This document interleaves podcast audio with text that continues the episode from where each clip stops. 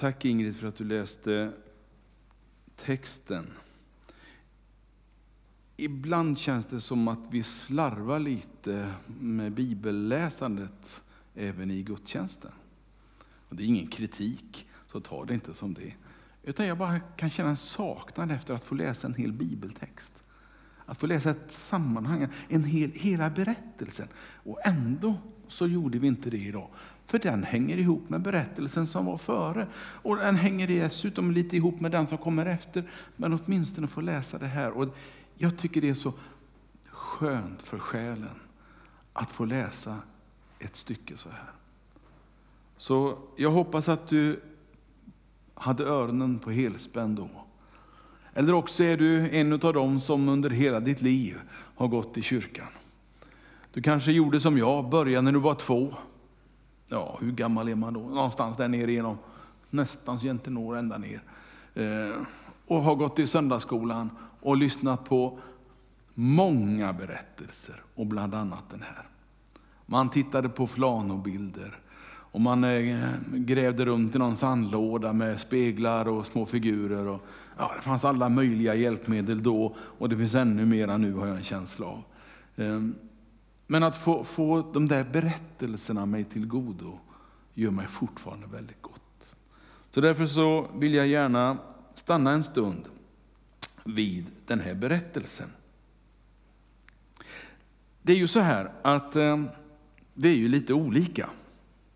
Och jag och Ingrid är väldigt olika också, fast ibland tänker jag mer på vad mycket lika vi är och vad Eh, mycket lika vi tänker. Och ibland så säger jag någonting, ska vi göra så? Ja, det har jag tänkt på också, säger hon då. Och så är vi helt plötsligt väldigt eh, överens bara i tanken. Men eh, vi har våra olikheter. Hon, enligt mig, vill ofta göra någonting nytt äta någon ny mat, laga ny mat, besöka en ny plats eller köra en ny väg, bara för att ta några exempel. Jag, enligt henne, och du kan ju kolla sen efteråt, det finns ju alla chanser för hon sitter ju här framför mig. Eh, och än så länge så får jag inte det där i alla fall. Eh, jag, enligt henne då, i min version får jag väl säga då, eh, trivs med det gamla vanliga kommer inte ofta på någonting nytt. Kör gärna en väg som jag har kört förut, som jag känner igen. Och köper gärna samma sorts jeans igen, för de trivdes jag i. Gör samma recept av köttfärssås och spaghetti som jag en gång lärde mig. Hur är du? Vågar du göra någonting nytt och kanske svårt? Eller som till och med lutar mot det omöjliga. För det krävs mod. Det krävs att våga slänga sig ut på det som är nytt och omöjligt. Den här dagen för Jesus var ju en, vad jag upplever som en ganska vanlig dag. Alltså det, var, det var ingen stor helg, det var kanske till och med en vanlig vardag. Det står om eh, berättelser om när han mättar 5000 män och kvinnor och barn förutom det. Så det var ganska många på den middagen. Eh, lika många är det väl kanske inte när du och jag bjuder på middag. Men eh, då var det 5000 och han mättade dem alla genom ett under. Som är så vackert, som är så fint. Och det var andra gången han gjorde det, så det var inte någon engångsföreteelse. Och det blev nästan lite vardag för lärjungarna att följa med honom, vandra med honom på, eh, uppe i Galileen främst. Gick runt i byarna. Jesus, eh, när han kom till en by så samlades det genast folk. Man hade inte tv, inga tidningar och ingen radio, eh, speciellt inget internet, eh, det tror jag inte i alla fall. Som kunde liksom vara där och berätta, som kunde visa bilder på hur han såg ut. Nej, man visste ändå på något sätt vem han var. Ryktet spreds. Det går omkring en man. Han har några lärjungar med sig, men det är han som är intressant. Det händer saker när han går och förkunnar. Det händer saker runt omkring honom som är omöjliga. Det går inte. Och ändå så ser vi det. Och de berättelserna följde honom. Efter brödundret så står det att han eh, tog båten och skulle liksom fara hem igen till Kapernaum. Och det har varit en tuff dag. Ja, det vet ni som har bjudit 5000 män på mat. Jag vet inte om det är någon som kan stoltsera med det. Inte jag i alla fall. Men det var säkert en jobbig dag. Svettig, varm, dammig. Allt det där. Och han blir trött. Och han inser, jag måste få lite lugn och ro. Jag måste få prata med min far. Jag måste få gå undan lite. Hörrni, ta båten och far i förväg. Och när Jesus hade det som mest stressigt, det var då han tog tid för bön. Bengt, lyssna och lär. Lärjungarna som var vana fiskare, åtminstone flera utav dem, de kommer ju där uppifrån trakterna kring Genesaret, många utav dem. Och flera av dem hade tillbringat sitt liv på sjön i båtar och med redskap som de kände till. Så att vara på sjön, det var inget nytt. Men ibland så var det tufft väder på Genesarets sjö. Den här sjön var känd och är fortfarande känd för att när vinden kommer ner för bergen, och ner mot sjön, då kan det börja blåsa fort och väldigt starkt. Det finns ju några sådana här berättelser med Jesus också. Men här skickar han iväg dem eh, och säger att jag, jag kommer sen. Eh, ja, men ska du inte åka med? Nej, eh, åk ni så kommer jag. Och det där tuffa vädret som de efter några årtag får tag i och möter, det kommer väldigt plötsligt för dem. Och jag satt hemma och funderade lite grann. Mitt i min vardag så kan det också dyka upp tuffa saker. Inte varje dag, tack och lov. Utan ibland då, då kommer jag hem och bara glittrar och tycker livet är underbart. Jag har nog inte kommit hem och gråtit så ofta. Men det har hänt någon gång det också. Men ibland kan man komma och ha, ha det lite tungt. Jag tror säkert att du känner igen dig. Vilket jobb du än har så, så tror jag att ibland kan det vara lite tungt när man kommer hem. Och jag tror att det här är en naturlig del av livet. Om det var så för Jesus, om det var så för hans lärjungar, så varför ska jag slippa undan? Det är klart att det kan vara tungt för oss var och en. Och kanske man kan säga att kampen är en naturlig del av livet. Ett liv helt utan motstånd och kamp. Jag vet inte hur det skulle vara, för jag har nog aldrig levt det. Jag har aldrig hört någon som har haft det så heller. Men vi kan lära oss av varandras kamp. Vi kan lära oss av varandra hur vi tacklar det som är svårt, hur vi möter det som är tufft. Och vi kan berätta för varandra. När jag växte upp, nu är det kanske inte så, så mycket, men när jag växte upp så när man tittade på, på strängmusiken, den som du pratade om förut, eh, så sa alltid den som stod framför mig ryggen åt publiken, jag vet det för jag, har, jag satt ju bredvid lite grann, le sa han. För han tyckte de såg lite bestämda ut i, eh, i, eh, när de koncentrerade på att sjunga. Le, sa han. Och det sa de till ungdomskören när vi sjöng också. Le, för det var så viktigt. Det där gav intrycket av att alla kristna ständigt stod och log. Alla kristna hade ständigt bra. Eh, det var en, en del som uppfattade det så i alla fall. Och det stämmer ju inte. Men vi ville ju bara, bara visa att vi, vi var glada i tron på Jesus. Nej, jag tror faktiskt att det är så att även som kristen så kan det vara riktigt jobbigt ibland. Och det är inte alltid en andlig orsak. Ibland kan det bara vara lite jobbigt ibland. Och det kan hjälpa att ha någon att byta orden med. Någon som kan studsa lite grann eh, tillbaka en vänlighet och ett leende och en glädje och ett lyssnande. Det måste inte vara så avancerat alltid. Det kan hjälpa att få prata av sig över middagsbordet när man sitter hemma över att det har varit jobbigt. Det som händer i texten, det är ju bara så fantastiskt.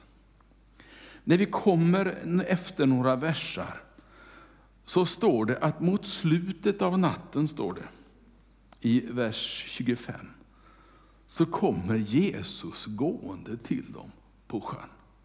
Alltså det är före gryningen om jag förstår det hela, sennatten, eh, fortfarande mörkt. Vem hade väntat sig Jesus då? Hm. Ja, inte lärjungarna i alla fall. Inte jag och kanske inte du. Om vi inte hade vetat storyn. Om vi inte hade kunnat berättelsen.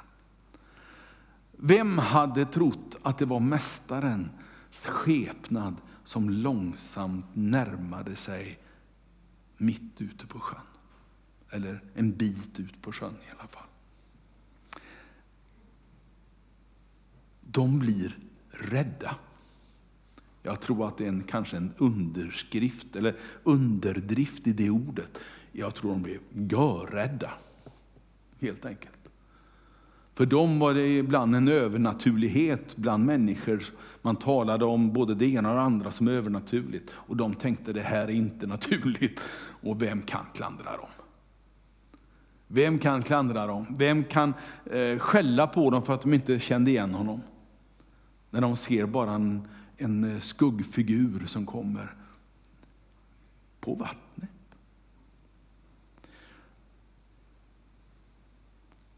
Rädslan är ju ibland orsakad av okunskap tror jag. Jag vet inte hur många gånger jag kollade under sängen hos mina barn när de skulle sova. Det var inte jätteofta, men det hände. Och du kanske också har varit där och, och krypit under sängen och kollat för dina barn. Eller också har du kollat under din egen säng, vad vet jag. Men det bygger ju på okunskap. Det är klart det inte ligger någon där. Det vet man ju. Och ändå, ändå, eller hur? Så de förstod ju inte vad det var som hände. De såg inte vem han var. De kände inte igen honom. Och det här kommer igång på flera ställen i min bibel. Så händer samma sak. När det gudomliga kommer så känner vi inte igen det. När det blir en gudomlig förändring så gör du som jag. Nej, vänta lite. Nej, det här känner jag inte igen. Nej, jag vill, nej det vill jag inte göra. Men då står Ingrid där och säger, vi kan väl testa lite, säger hon. Och det är så gott ibland att möta den där eh, liten puff kanske man behöver, inte en spark i rumpan, men en liten knuff åt rätt håll i alla fall.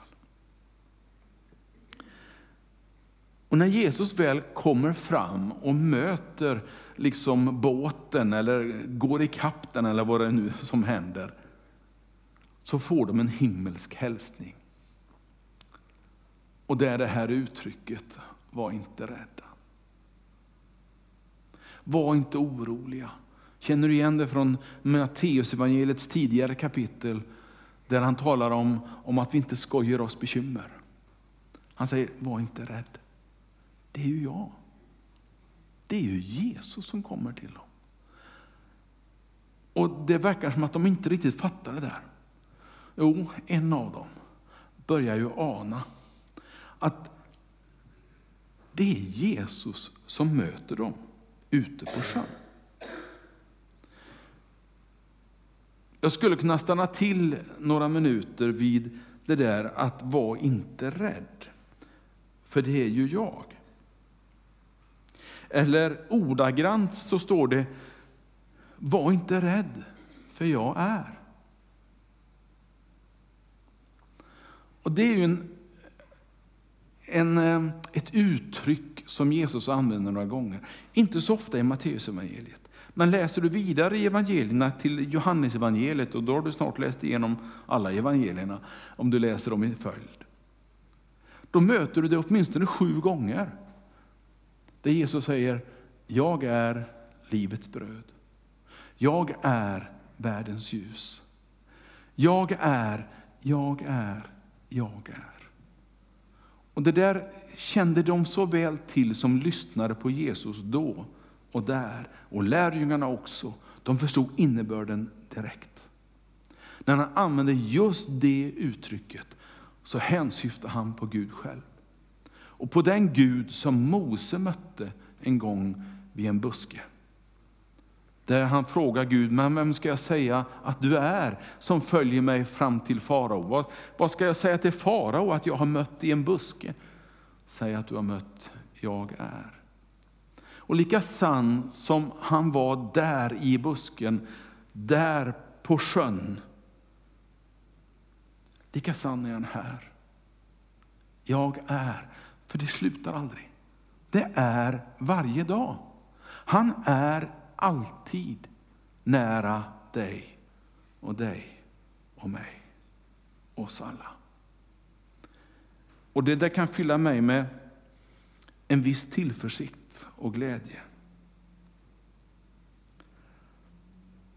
Tänk att den eviga, den evige med stort E. Tänk att eh, skapelsens Herre och Mose uppdragsgivare är här i ditt liv, i mitt liv. Och vill välsigna dig. Och vill ditt väl. Och vill hjälpa dig i din rädsla. Vill hjälpa dig i din oro. Vill hjälpa dig i din otrygghet. Vill hjälpa dig i ditt tvivel. För tvivel är inte heller något onaturligt. Tvivel är inte heller någonting som, som man alltid liksom ska bli rädd för. Utan det hör till tron. Tron styrks av tvivel, tror jag. Och jag läser mig också till ifrån berättelsen, när Jesus kommer så ger rädslan vika. Och det är nästan söndagsskolundervisning, jag vet det. Men det är på något sätt så är det så skönt att få säga det. För det står i Johannes, ett av hans brev, första brevet, jag tror att det är kapitel 4, att han som bor i er, säger Johannes, han är starkare än den som bor i världen. Och om han som är evighetens tillskyndare och skapelsens Herre bor i dig, vilken oro och vilken plats för oro har du då? Den blir i alla fall mindre, det är min tro. Jag tror inte att vi blir av med, med, med rädslan en gång för alla bara för att vi har mött Jesus. För så funkar det inte. Det har jag lärt mig också. Du vet Levi Petrus, han, eh, en av de eh, första, första pastorn i Filadelfiaförsamlingen i Stockholm. Han, eh, han sa så här en gång att Ja, sa han, nu ska jag predika på söndag och jag ska predika om tro. Och jag ska säga och predika att det finns inga tvivel. Det behövs inga tvivel för vi tror på Jesus. Och så förberedde han sig under veckan för det här. Och så på fredagen så hände det någonting och tvivlen bara rasade över honom. Och han blev så osäker på det mesta. Så på den söndagen i sin predikan så stod han och sa precis det han hade upplevt. Och så sa han, men jag har fått ändra på mig. Jag tror att tvivel är en naturlig del. Men, sa han, jag stannade inte i mina tvivel. Utan jag gick till Jesus och gemenskapen med honom hjälpte mig igenom mina tvivel. Idag kan jag predika tro, sa han. Det var hans budskap, om inte ordagrant så var tanken så. Så rädslan övervinns i Jesu närvaro. Det fick Petrus uppleva, det fick eh, de uppleva tillsammans. När Petrus känner igen Jesus så reagerar han ju som han brukar göra, den här spontaniteten. Herre, är det du? Låt mig få komma ut till dig. Jag vet inte ens om han tänkte på hur djupt det var. Jag vet inte om han tänkte överhuvudtaget, utan han blev bara så fascinerad över att Jesus kunde gå på vattnet mot honom. Och han blir nog ännu mer förvånad när Jesus säger, ja kom då. Då kunde han ju ha, ha, ha stått där, eller satt, han sitter väl i båten, kanske även fiskare, jag vet inte. Han var där i båten i alla fall. Då kunde han ju tänkt att, ja fantastiskt, jag fick komma till honom. Helt underbart, det måste jag sitta och fundera på en stund. Hur är det möjligt? Nej, vad gör karln? Ja, han kliver ju över relingen. Och tänker inte på var han sätter fötterna. Och så tittar han på honom. Tittar han på Jesus och så börjar han att gå. Jag älskar den där bilden. Jag älskar den tanken att kliva över relingen.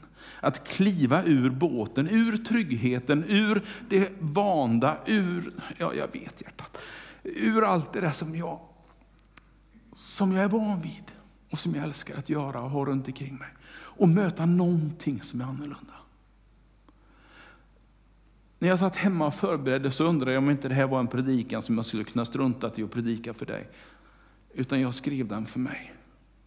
Men kanske att du finns som behöver höra den också. Jag, jag är ingen profet på det sättet. Men kanske vi är fler än jag.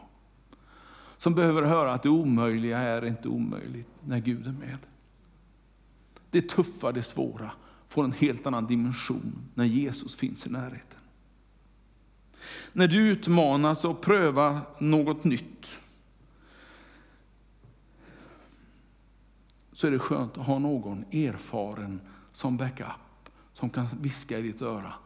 Det är lugnt, jag är med. Och det gör Jesus.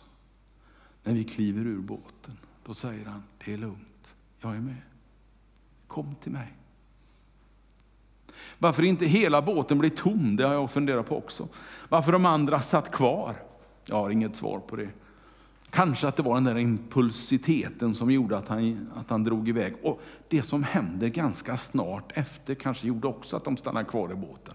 Därför att när han är på väg ut till Jesus, när han är på väg fram till honom, så börjar han att kolla, vänta lite, vad är det jag är med om? Och så får han se, mina sandaler blir ju inte ens blöta. Jag, jag, ju, jag går ju på vattnet.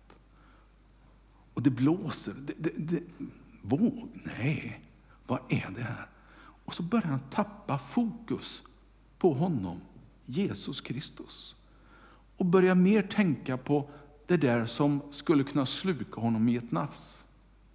Det där som han var så orolig för. Börja tänka mer på det som var runt omkring honom.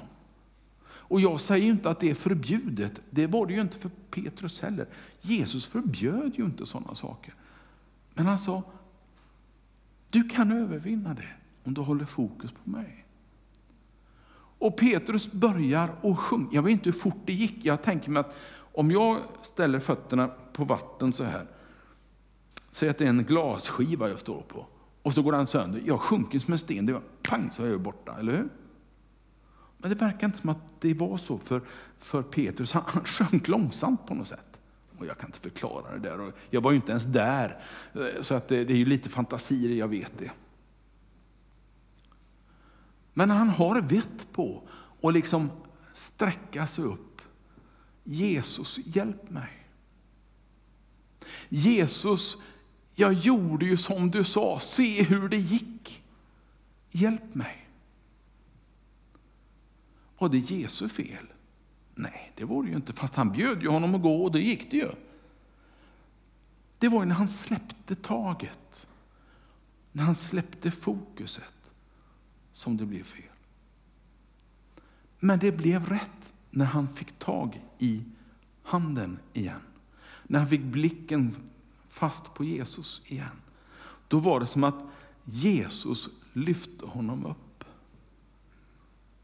Och jag gillar den tanken. Ja, Herre, när jag kliver ut på någonting som är för mig okänt. När jag gör någonting, när vi gör någonting som kyrka, som församling. Vad skönt det är då att få gå på det där och känna det bär. Men Herre, om det brister, om jag inte fixar det, så säger du inte, du är hopplös Bengt. Än en gång så håller du inte. Än en gång så misslyckas du. Jag är så tacksam till Gud att han inte är sån. För ibland är jag sån, utan att kanske mena det. Ibland kanske du är sån, men Gud är aldrig sån. Utan han, han är där blixtsnabbt, genast står det faktiskt i texten. Så fattar han tag i Petrus hand och lyfter honom upp. Och Petrus får stadga under fötterna och kan gå med Jesus till båten. Och Jag är så glad för den här texten, för den talar om för mig att det går att göra det omöjliga. Och när det omöjliga funkar så kan det ändå finnas en brist någonstans. Och ändå, vad mycket vad mycket säkerhetstänk det finns i himlen. Vad mycket trygghet det finns i himlen. Som himlen har för din skull. Som himlen erbjuder dig när du sätter din tilltro till honom. Vi kan ha mycket säkerhetstänk i vår vardag, vi kan ha mycket trygghet i vår vardag som vi är tacksamma för och som vi ska använda oss av naturligtvis. Men här finns det någonting extra i livet som har med tron på honom att göra.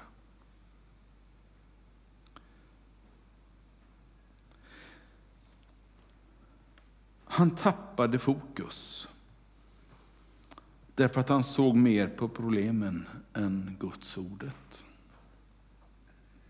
Och det finns ju mycket som kan störa ditt och mitt fokus. I Petrus fall var det höga vågor, kanske stark vind. Det var djupt vatten. Trots att det var vardagsnära och normalt trygga ting. Han hade varit med om stormar förut. Det var inget nytt. Det kunde han. Men den här gången så blev de honom övermäktiga på något sätt. Han återvände med sitt fokus till Jesus och får omedelbar hjälp. Och Petrus vågar ta nya tag, ett tag till. Var allting bra sen? Nja, nja. Du som har läst din bibel. Har du läst avslutningen på evangelierna? Där det står om Petrus, hur han misslyckas igen. Det verkar som att han lika ofta som det gick väldigt bra för Petrus så hände det också att han misslyckades. Och ibland tänker jag, Herre, hade du tålamod med Petrus så kan du ha tålamod med mig också och med dig med, var du än finns.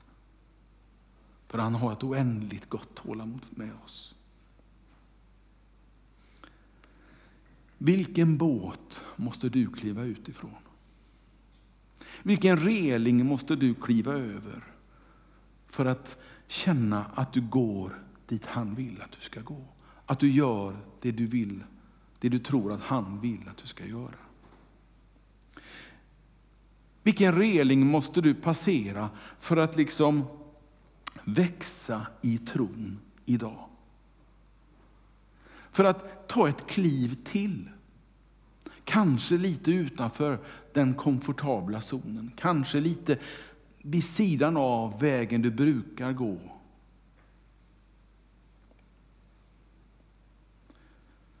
Det nya visade sig leda framåt i tillit och tro. Och berättelsen avslutas med en för sammanhanget och för Matteus en helt ny bekännelse. Det står i sista versen som Ingrid läste, vers 33. Och de som var i båten tillbad honom och sa, du är verkligen Guds son. Jesus, jag tackar dig för berättelsen som finns nedtecknad i vår bibel. Tackar dig Herre för möjligheten att få påminna om den. Och kanske få någon att våga ta ett steg till. Att få någon att kliva över relingen, Herre. Du har stått där ofta och inbjudit oss att ta det där steget, men vi vågar inte. Och du skäller inte på oss, utan du bara lockar. Lockar med tro, lockar med kraft och med möjligheter. Tack älskade Herre att vi får komma till dig. Vilket är bär på vattenytan eller det att vi sjunker, så är vi lika välkomna till dig. Och du hjälper oss med nya steg mot en kanske annan framtid. Amen.